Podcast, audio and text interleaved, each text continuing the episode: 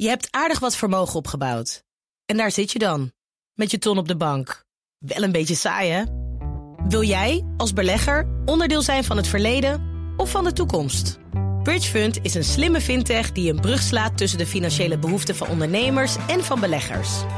Dus wie belegt bij Bridgefund krijgt niet alleen een mooie vaste rente, maar brengt ook ondernemers in beweging. Echt waar, met die ton kan je zoveel betere dingen doen. Bridgefund. Make money smile. Analisten noemen het ook wel de moeder aller beursgangen of de beursgang van de eeuw. Het Saoedische staatsoliebedrijf Saudi Aramco wil naar de beurs. Wat dat kan opleveren, dat bespreken we met het beleggerspanel dat de mouwen heeft opgestroopt. De jassen zijn inmiddels uit. Simon van Veen, fondsmanager van het Sustainable Dividend Value Fund, is hier. Net als Reinder Wietsma, portfolio manager bij IBS Capital Management. En Thijs Knaap, senior stratege bij APG. Mijn zakenpartner is Jill Dirks, bestuurslid bij de Nederlandse Vereniging van Commissarissen en Directeuren. Welkom allen. Dankjewel. We beginnen met uh, jullie laatste transactie. Simon, ik wil bij jou beginnen. Ja, uh, dankjewel. Um, Thomas, mijn laatste transactie is uh, aankoop van een aandeel uh, Fjord 1. Dat is een, Noors bedrijf dat verzorgt veerdiensten over de fjorden in Noorwegen. En dan zie ik je denken, waarom is dat interessant? Nou, dit bedrijf heeft nou, langlopende... Ik probeer het altijd zo goed mogelijk te ja. Maar... Nee, het is van je gezicht af te lezen. um, dit bedrijf ja, heeft langlopende contacten met de Noorse overheid. Dus dat betekent stabiele voorspelbare kaststromen en dividenden. Op het gebied van duurzaamheid is het interessant omdat ze bezig zijn met de elektrificatie van de hele vloot. Dus dit wordt de eerste volledig elektrische veerdienst eh, ter wereld.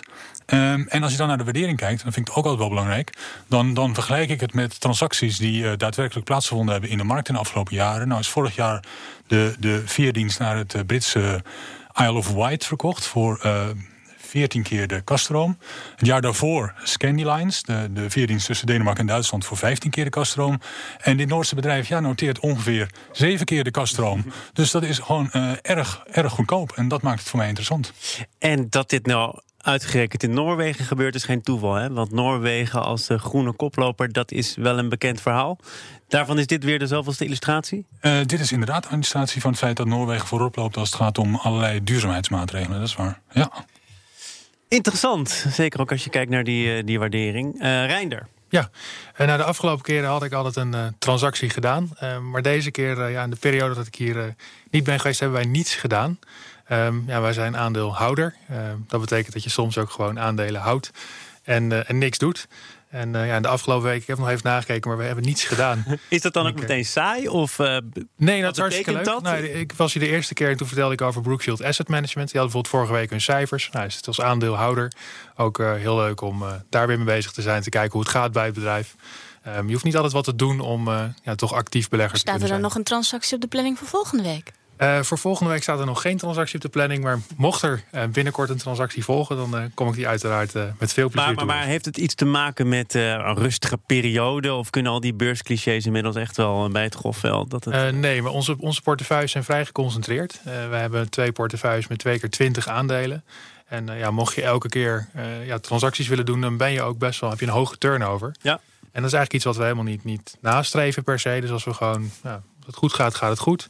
En, en het gaat goed. Het gaat goed in die zin dat de beurzen zijn bewegelijk en op de beurs gebeurt van alles. Ja, want het panel hebben we niet voor niks. Precies, precies. Er is heel veel te bespreken altijd, maar dat betekent niet altijd dat je iets hoeft te doen. En wij hebben de afgelopen periode niks gedaan. Nou, ik waardeer je openhartigheid. Het is een behouden start, Thomas. Ik ben toch nou, wel heel nieuwsgierig naar Thijs' verhaal. Ja, dit, dit wordt heel spannend. Al, uh, wapperend met papieren klaar om te zeggen wat hij allemaal gedaan heeft. Waarschijnlijk iets uh, gekocht. Of een aandeel genomen ergens in? Nou ja, dat is maar de vraag. Ook ik meld niet een directe aankoop. Het nieuws dat vandaag naar buiten komt... is dat een grote belegging van ons in kantoren in India geclosed is. Ik leg zo uit wat dat is. We hebben vorig jaar 150 miljoen dollar eh, in een fonds gestoken... dat belegt in kantoren in India. En nu is er een instapper bijgekomen en heeft het fonds 450 miljoen dollar in kas. En daarmee gaan ze hoogwaardige kantoren bouwen in Indiase steden. Denk uh, Mumbai en New Delhi. En die zijn weer erg gewild bij multinationals. Nou, dat is technisch gezien meer een verkoop dan een koop. Want ja. uh, doordat er een andere partij instapt, verwatert ons aandeel. Maar daar wordt het fonds wel weer groter door. En omdat het groter wordt, kunnen we uiteindelijk een meer gediversifieerde portefeuille eh, op, de, op de been brengen. De reden dat ik het breng, dat heb ik ook wel vaker gezegd, het is een private belegging. Dus we zijn echt op zoek naar ja, dingen die nog renderen. En daarvoor gaan we uh, ver weg, hè, in dit geval naar India. En blijven we niet bij beleggingen die je zomaar kan kopen op de beurs. omdat we denken dat dit een betere lange termijn belegging is. Ik spreek elke dag met Kees de Kort, vaak een genoegen. Maar meestal ook met de kanttekening dat het in India toch aanzienlijk minder geweldig gaat dan India onszelf wil doen geloven. Of de grote instanties ons willen doen geloven.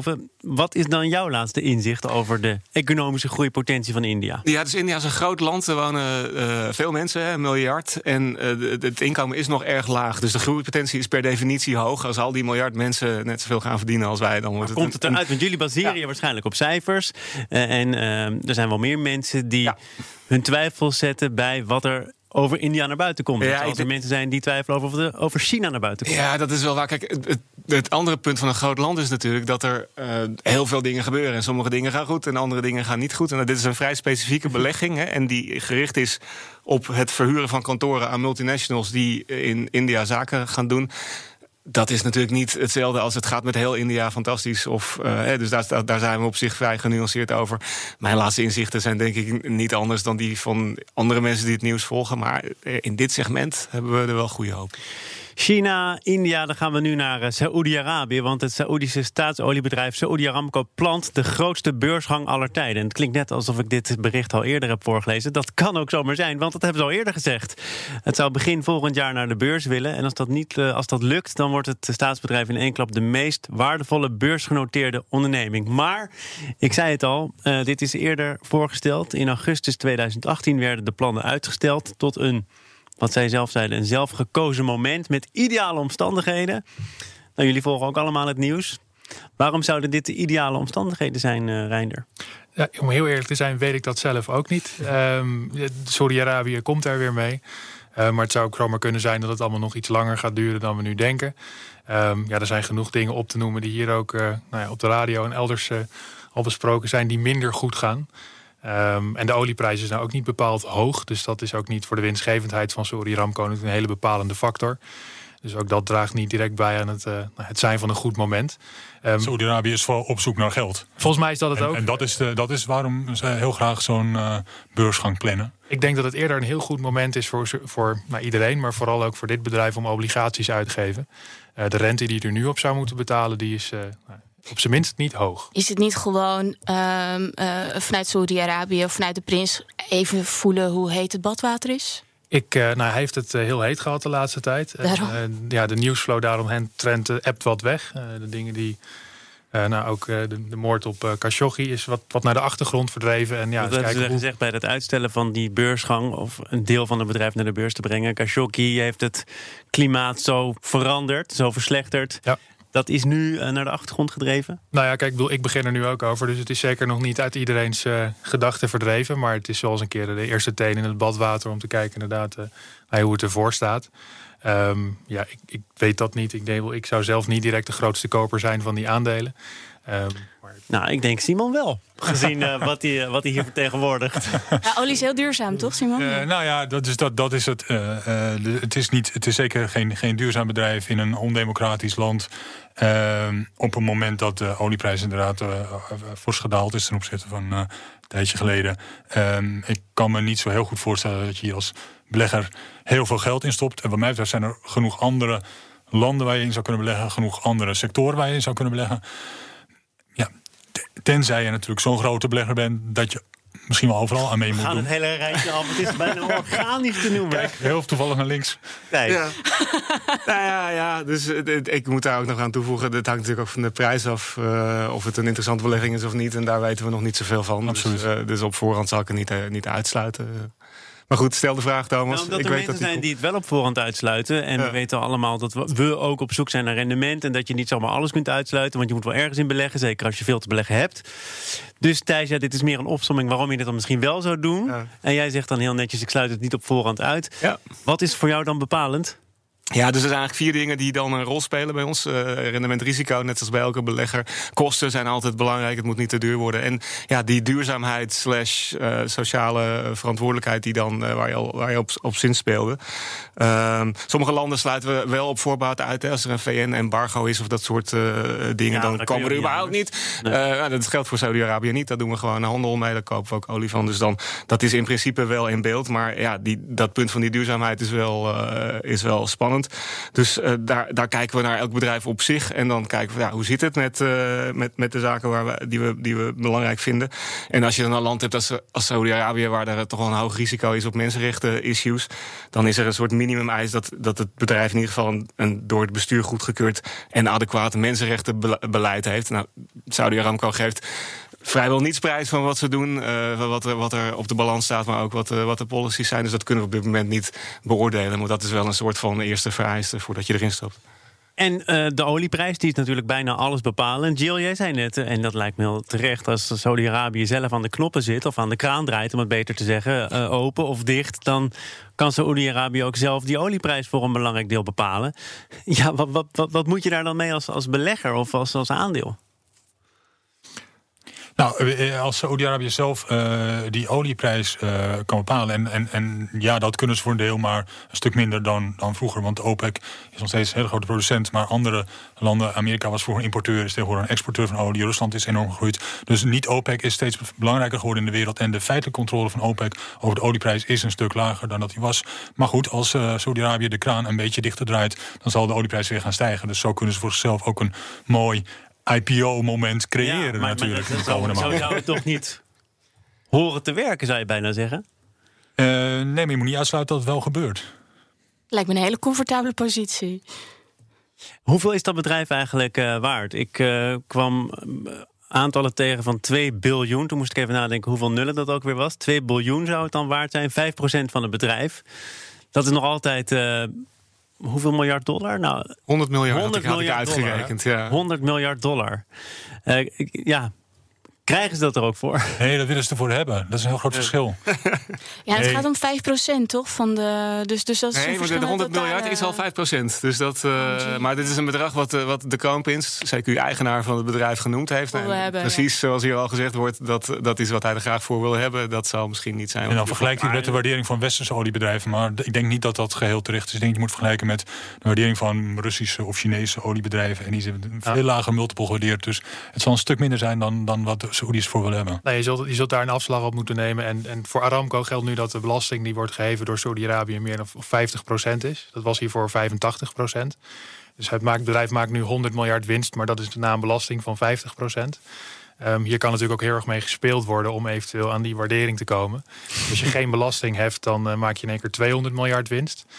Um, ja, er wordt ook nog veel royalties betaald aan Aramco. Dus in totaal, Saudi-Arabië hangt voor 70% ongeveer af van de inkomsten uit Aramco. Um, dus ja, je kunt hier wel mee spelen om uh, op een gewenste waardering te komen. De vooruitkijken is altijd uh, gevaarlijk. Maar is er begin volgend jaar ergens op de wereld een beursnotering voor Saudi Aramco? Zou het niet uitsluiten. Zo, dat zijn nog eens uitspraken hier. ja, nee, als ze dat willen, dan zullen ze dat zeker doen. En misschien is het voor een heel klein deel van de aandelen. Maar, maar als ze willen, ja. En laten we voorstellen, het is voor de Saoedi's, als je het uh, van een afstandje bekijkt, is het ook geen slecht idee. Hè? De, wat hier al twee, drie keer gezegd is, de hele economie draait op olie. Dat is geen gezond en uh, robuust model. Het liefst zou je een gedeelte van het risico uh, verkopen en iets anders gaan doen. Die plannen zijn er ook. Dus ja, dat maakt het wel waarschijnlijk dat ze dit door zullen zetten. Te gast is het beleggerspanel bestaande uit Simon van Veen, Reiner Wietsma en Thijs Knaap. Mijn zakenpartner is Jill Dirks. Um, en ik wil het met jullie hebben over politieke onrust, een handelsoorlog, slechte economische cijfers. En die waren ook uh, op een negatieve manier voelbaar op de aandelenbeurzen. De aandelenbeurzen zijn uh, op zijn minst volatiel, instabiel. Wat is nu vooral bepalend voor het uh, sentiment, Reinder? Nou, ik denk dat de handelsoorlog tussen China en, Amerika is iets waar um, nou, duidelijke headlines naar buiten kunnen komen. Zeker met Donald Trump, die zijn eigen Twitter-kanaal heeft. Um, ja, als die, als die vandaag tweet dat hij een akkoord heeft, dan zal dat zeker wat doen voor het sentiment. Uh, verder is het in ieder geval zichtbaar aan het worden dat de hele economie gewoon minder snel gaat dan eerst.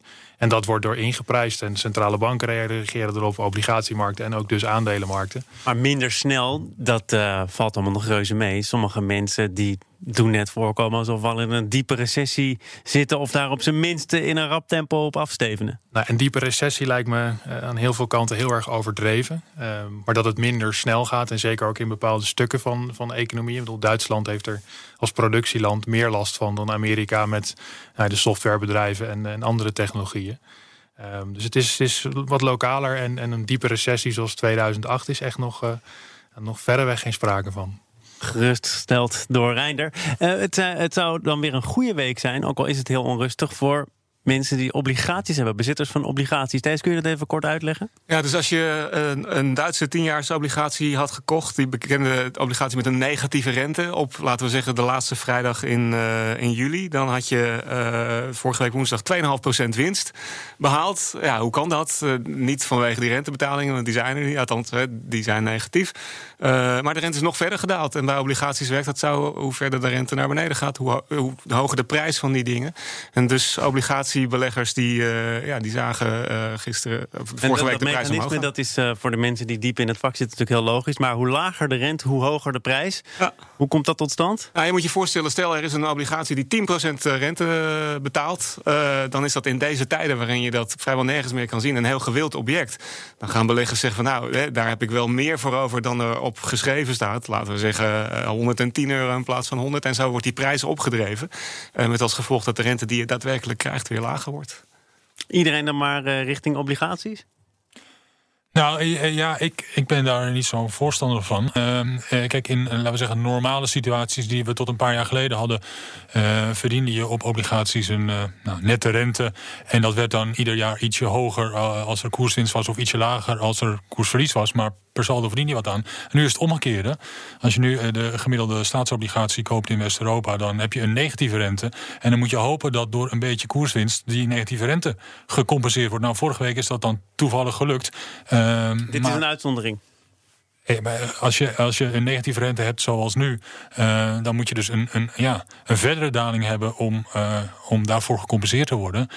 Um, maar bij een, een uh, lichte rentestijging zal je en last hebben van de negatieve rente en van de koersverlies. En dat is de grote vraag natuurlijk, want de rente is nu negatief. Dat is al hoogst uitzonderlijk. En de grote vraag die iedereen heeft is hoeveel verder negatief kan die worden? Want het, het ligt ook wel voor de hand dat het niet heel erg diep kan gaan uiteindelijk. Uh, en dat, dat maakt het een heel gevaarlijk spel. Het sleutelwoord in beleggen in obligaties is toch ook gewoon geduld?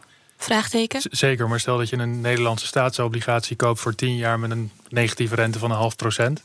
Als je die 10 jaar vasthoudt, dan met alle geduld die je dan moet opbrengen, weet je zeker dat je een half procent per jaar gaat verliezen over die periode.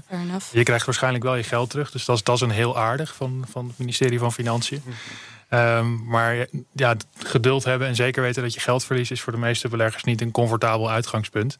En nou is de obligatiemarkt overigens wel een markt die volledig wordt gedomineerd door nou, institutionele partijen, pensioenfondsen en andere. Um, dus dat is wel een andere karakteristieken. Want de pensioenfondsen die, die moeten toch ook voor een uh, belangrijk deel in staatsobligaties beleggen? Ja, de regels zijn iets subtieler, maar daar komt het in de praktijk wel op neer. Dus pensioenfondsen moeten hun risico's afdekken. En volgens, hè, dan gaat de Nederlandse bank vertellen wat wel en niet risicovol is. En staatsobligaties uh, kennen geen uh, terugbetalingsrisico, tenminste de, de, de, de Nederlandse uh, zeker. En daarmee in de praktijk komt het erop neer dat, er, ja, dat je verplicht wordt om die dingen op de balans hebben. Geldt niet alleen voor pensioenfondsen. Dat hebben we na de, de financiële crisis van 2008 gezien dat er heel veel meer regelgeving gekomen is, ook voor banken en voor verzekeraars. En in de praktijk komt dat erop neer dat dat de vraag naar obligaties enorm uh, heeft uh, opgestuurd. Daar komt dan nog bij uh, onze vrienden in Frankfurt van de ECB, die er ook een paar gekocht hebben. En het aanbod loopt niet op, want Nederland en Duitsland hebben een overschot en brengen steeds minder schuld op. Maar jij stelde net de vraag die hier dan eigenlijk boven hangt: hè, hoe laag kan het gaan? Dat is het gevaarlijke spel. Maar kan het nog veel lager gaan? Jouw voorlopige antwoord is dus nee. Nou, dat, is, dat, dat, ga ik zeker niet zeggen. Want dat is een, uh, een statement waar je iedere keer weer geconfronteerd wordt met je eigen beperkingen. Dus heel veel mensen zeiden voorheen: negatieve rentes bestaan niet. Toen bestonden ze toch wel. En, uh, en nu blijkt het steeds dieper te gaan. Kijk, op een gegeven moment dan wordt het absurd. Hè? Als, als, je, als je procenten bij moet leggen om je geld aan iemand uit te mogen lenen, dan ja, wie doet dat nog uh, als je er niet, niet toe gedwongen wordt? Maar procenten, zover zijn we toch nog nee, niet? Nee, nee, maar je vraagt. Dus ik, is er een bodem? Ja. Hè. Als het om procenten negatief zou gaan, dan denk ik dan wordt het misschien uh, wel heel erg lastig om dat, om dat vol te houden. Maar we zien in de praktijk, de, de Duitse rente, de 10 rente, is vandaag tot onder de min 0,6 gedaald. Hè. Het werd hier al toegelicht. Dat moet je bij, meenemen om aan Duitsland te mogen, te mogen lenen dat is best wel weinig. En, uh, en, en da dat, dat maakt mij ook een beetje bang om te zeggen dat het niet lager kan. Want ja, als dit kan, wat dan nog meer? Nee, in, in, tijden van paniek kan het tijdelijk lager. Want dan ja. zeggen mensen bijvoorbeeld van... goh, ik heb liever gegarandeerd 1% verlies op mijn obligatie... dan een kans op 10% of meer verlies op mijn aandelen. Dus geef mij dan maar die obligatie met min 1 per jaar. Maar in, laten we zeggen, normale tijden uh, ja, kan, het, kan het niet. Dus het kan nooit, kan nooit heel lang uh, zo blijven. Want op een gegeven moment dan, dan, ja, dan zegt Thijs is niet de eerste en de enige die zegt... Dit is rendement. Dit is absurd, dit zouden we misschien niet moeten willen. Waarom, waarom gebeurt het dan toch? Omdat de ECB de, de uh, korte rente uh, nou ja, zelf erg verlaagd heeft tot uh, negatief. En vervolgens ook obligaties met een lange looptijd aan het opkopen is, waardoor de lange rente ook daalt. Daarom gebeurt het. Maar dat, dat doe je normaal gesproken dus als er sprake is van een reddingsoperatie. Of je, je, moet iets doen, anders loopt het uit de hand. Ja, en, misschien zijn we stiekem wel landen in Zuid-Europa aan het redden. Zoals Italië of Frankrijk. Die is natuurlijk ook een internationaal fenomeen. Want in Japan en ook landen die niet door de ECB worden gecontroleerd. Ik bedoel, Zwitserland is nog veel negatiever dan Duitsland. Ja. Um, als je het Zwitserse voorbeeld neemt, dan zou je nog een enorme rally kunnen maken op je Nederlandse staatsobligatie. Um, dus, dus alleen wijzen naar de centrale bank is misschien te kort door de bocht. Want er is toch een kettingreactie? Er zit een kettingreactie in, natuurlijk. Tuurlijk, want als Amerika nu een rente zou hebben van 5%, dan zou ik ook mijn geld daarheen brengen. Alleen als je met de currency rekening houdt, heeft Amerika voor ons als eurobelegger ook een negatief rendement. Dus het is, het is een internationaal fenomeen, maar er zijn hele grote groepen mensen of, of, instituten die geforceerd worden om hun geld te parkeren in instrumenten waar een tekort aan is. En net als de Amsterdamse woningmarkt, daar is er ook nog geen overschot aan woningen. En je ziet wat er met de prijs gebeurt. En ik, ik zou niet zeggen dat die één op één vergelijkbaar zijn. Uh, maar het concept is natuurlijk wel zo. En, en, een land als Duitsland zou daar een voortouw in kunnen nemen. Die zeggen wij schrijven een zwarte nul. We willen geen dat ze toch obligaties uitgeven. Maar daar zou nu wordt langzaam een discussie gevoerd van moeten wij niet obligaties gaan uitgeven voor een vergroening of voor infrastructurele projecten. Um, nou, dan zou je aan het aanbodkant kunnen werken. En discussie die, die is nu op gang gekomen, maar die komt wel heel laat, toch? Die komt extreem laat, maar uh, beter uh, laat dan nooit. Uh, in die zin, er is als dat soort transities in overheden ook wil, waarom zou de Nederlandse overheid niet zeggen, joh, voor 20 jaar kunnen wij gratis geld krijgen, laten we daar eens een infrastructuurproject voor oppakken dat, dat ons land beter zou maken. Het, het kost niets. Nou, dat lijkt me een heel mooi uitgangspunt. Ja.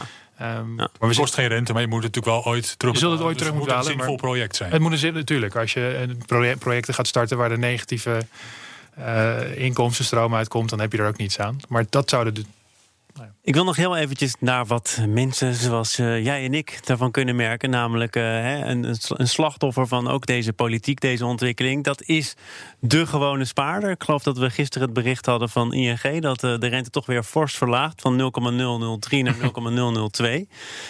Komt er ook een moment dat bankiers niet anders kunnen dan aan gewone spaarders vragen om geld te, toe te leggen. Nou, het moment is al hier dat het voor bankiers uh, een, een, hele dure vorm van financiering geworden is. Als je kijkt waar banken zelf tegen kunnen lenen bij andere banken of op de obligatiemarkt, dat is veel goedkoper dan dat ze het van mij lenen. Want wij moeten ze nog die 0,002 uh, procent rente dat betalen. Dat is in jouw geval toch nog behoorlijk wat? Uh, nou ja, precies. dat dat, dat loopt kan zomaar een euro dus dat, nee, maar daar, daarmee komt toch de druk op de banken om daar iets aan te doen. Maar je ziet dat de psychologische grens natuurlijk enorm is. En de meeste banken hebben dat opgelost door te zeggen: Nou, we berekenen geen negatieve rente, maar de kosten gaan wel omhoog. En voor de meeste mensen komt het dan toch een beetje op hetzelfde neer. Maar, maar dan voel je het minder. Of dat, dat lijkt, lijkt het minder. Of dan lijkt het je is anders. principe blijft hetzelfde. Ja, ja. Maar je, je hoort al wel banken met, met grote klanten, waarbij die 40 euro kosten dan toch weer een heel laag percentage zijn. Dat die al bezig zijn om negatieve rentes te rekenen. In het buitenland bij vermogensbanken is dat al, uh, al zo. Ik, ik, ik durf het ook hier niet helemaal uit te sluiten dat er wat dat toch uh, gaan zien. Maar de eerste bank die het doet, zal dat zeker um, gaan voelen. Gaan voelen ja. En, en dan volgt de rest. En dan heeft de ABN AMRO of Rabobank of ING de kolen uit het vuur gesleept. En dan kan de rest daar achteraan hobbelen. Is het niet zo dat je steeds meer privé-investeerders ziet? Dat mensen toch met hun spaarcentjes liever een andere keuze maken dan dat ze bij de bank stallen? Zeker. Maar er zit ook een gevaarlijk component in. Want als je de rente heel negatief maakt en mensen allemaal gaan pinnen, dan zijn er heel veel mensen die thuis een relatief groot vermogen uh, onder de bank uh, verstoppen. Wat natuurlijk ook voor de extra stijging van de vastgoedmarkt of de. Vastgoedmarkt, nee zeker. Maar het, aantal particuliere beleggers dat die markt opzoekt om toch een rendement te maken. Dat... Nou, Hamers zei vorige week op deze zender dat juist omdat die rente zo laag is en dat komt ergens vandaan, namelijk onzekerheid dat mensen juist alleen maar meer gaan sparen, ook al levert het te weinig op. Dat is een heel mooi verkoop. Dat is ook nog een risico. Dat mensen dus minder gaan uitgeven en dat daardoor uh, in consumptie omlaag gaat. En dat heeft weer de nodige negatieve consequenties voor de economie. Jill, ik begrijp dat jij dit graag wil doorprikken. Maar dan heb ja, ik geen nee, ik vind, nee, ik weet het, ik weet het. Ik, uh, Jullie moeten het bij laten. Ik, ik, we laten het bij. Het is zo jammer dit. Jill Dirks, bestuurslid eh, bij de Nederlandse Vereniging van Commissarissen en directeur. En ook mijn zakenpartner van vandaag. Dank daarvoor. Simon van Veen was hier. En uh, Reiner Wietsma, Thijs Knaap ook. De leden van het beleggerspanel. Tot de volgende keer. En ik reken op een transactie de volgende keer dat we elkaar zullen spreken. Geen druk verder. Dit, uh, nee, dit was het voor vandaag. Je hebt aardig wat vermogen opgebouwd. En daar zit je dan. Met je ton op de bank. Wel een beetje saai, hè? Wil jij, als belegger, onderdeel zijn van het verleden of van de toekomst? Bridgefund is een slimme fintech die een brug slaat tussen de financiële behoeften van ondernemers en van beleggers. Dus wie belegt bij Bridgefund krijgt niet alleen een mooie vaste rente, maar brengt ook ondernemers in beweging. Echt waar, met die ton kan je zoveel betere dingen doen. Bridgefund. Make money smile.